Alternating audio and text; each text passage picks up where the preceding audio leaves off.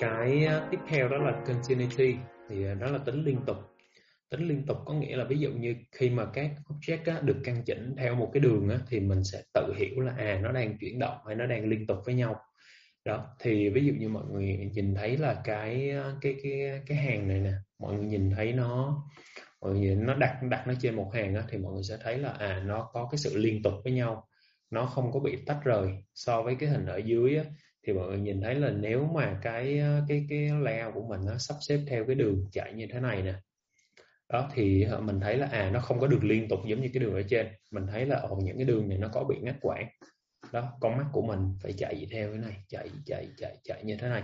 Mà khi á, mà mọi người áp dụng cái khi mà mọi người sử dụng cái tính liên tục này á mà không có hiệu quả thì nó sẽ làm người xem rất là rối. Đặc biệt là khi mà mình design những cái trang tin tức cái trang news đó, đó những trang tin tức giống như là đền ví dụ như kiểu đền New York Times hay kênh 14 rồi các thứ đi mọi người design những cái trang như vậy mà nếu mà mọi người design theo kiểu họ là rối rắm á người xem khó đọc á đó thì cái đó là thất bại.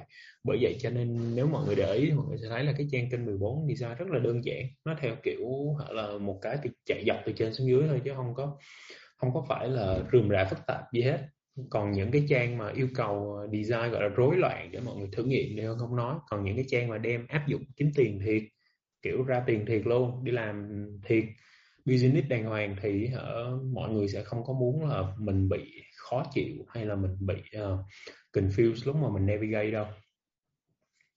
Đó tại đơn giản thôi là bộ não của mình nó luôn luôn tìm kiếm những cái con đường trơn tru nhất để đi theo. Vậy thôi rồi và được à và có một cái nữa đó chính là design của mình nó phải kiểu predictable predictable có nghĩa là dự đoán được á. Có nghĩa là ví dụ như ờ, ví dụ như hân có ba cái hân có ba cái box ở trên điện thoại để mà hân uh, ờ, dùng điện thoại hân swipe qua lại hân kéo hân kéo qua hân kéo lại á thì á mặc dù hân không nhìn thấy cái box thứ ba nhưng mà hả bởi vì cái tính liên tục nên hân hiểu là à cái box thứ ba cái box thứ ba trong nó sẽ như thế nào. Đó và cái đó rất là quan trọng thì à, tại vì mình biết được cái tiếp theo là gì thì mình mới navigate với nó. Uh, nó cũng tốt cho cái việc là tạo nhịp nữa nha rhythm á. Freedom là một cái rất là quan trọng trong cái visual language. Nếu mà mình tạo nhịp tốt cái design của mình xem tốt thì tự nhiên hả mọi thứ nhìn nó chỉnh chu nó hợp lý liền luôn. Đó khi mà áp dụng khi mà áp dụng bộ web design thì mọi người thấy là nếu mà mình có một cái nhịp dọc đi từ trên xuống dưới nè thì mình sẽ roll hoài roll hoài roll roll hoài luôn. Dễ thấy nhất là trang Pinterest, mọi người thấy đó. Mình có một cái nhịp dọc từ trên xuống dưới, mình cứ roll xong. Và cái cái kiểu của, cái kiểu roll như vậy nó gọi là dynamic loading tức là tức là nó luôn luôn loát động á. Tức là luôn luôn loát không bao giờ hết hết, không bao giờ có cái điểm kết thúc mình cứ scroll scroll scroll mà nha cái yếu tố mà xác định sự thành công của một cái digital á của một cái sản phẩm digital tức là app hay web á đó chính là cái thời gian mà user ở lại ở trên cái sản phẩm đó. Nếu mà user ở trên ở lại lâu hơn ở, ở lại càng lâu trên cái sản phẩm đó thì có nghĩa là cái design của mình nó càng tốt.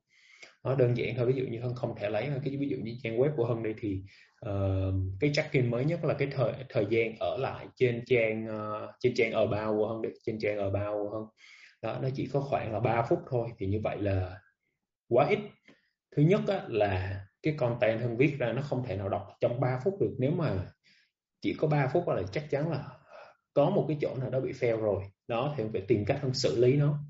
Đó. thay vì đó thì mọi người đơn giản hơn mọi người thấy những cái app thành công đó, những cái app thành công mà user ở lại lâu đó, đó chính là Facebook nè Pinterest nè Lazada nè Shopee Tiki nè. Mình vô đó mình mua hàng các kiểu mình scroll mình coi sản phẩm là mình kiểu mình lạc lối trong đó luôn. Là bởi vì cái nó sử dụng cái tính liên tục quá tốt đi mọi thứ nó kiểu predictable.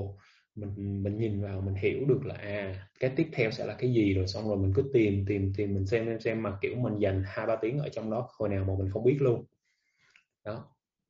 Thì ờ, khi mà cái flow của mình đi từ trên xuống như mà mà nó bị cản trở thì trong nó sẽ như thế này nè, mình đang scroll đã đời, tự nhiên mình thấy có một cái button nằm đâu đó ở giữa, nó chắn đường đi của mình.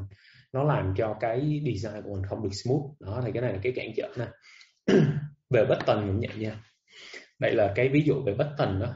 Lý do vì sao tự nhiên bây giờ làm design nó cứ phải bo góc, nó cứ phải bo góc là đơn giản là bởi vì khi mà những cái shape này nè đó mà nó là góc nhọn á thì cái con mắt của mình sẽ không scan theo những cái này mà nó sẽ cảm giác là nó bị chặn ở những cái góc này nè.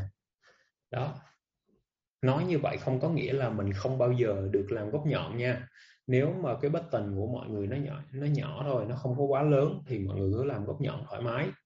Nhưng mà nếu mà cái bất tình của mọi người đang đặt ở một cái kích thước gọi là nó to á, thì chắc chắn là mọi người cái option là mọi người chọn một cái góc tròn nó sẽ tốt hơn rồi trừ khi nào mình làm góc nhỏ nhỏ, mình làm cái bất tình nhỏ nhỏ nhỏ thì cái đó không sao hết. Tại vì khi mà mình nhìn vào cái bất tình nhỏ đó thì cái focal point của mình nó là nguyên cái bất tình đó, chứ không phải là từng góc.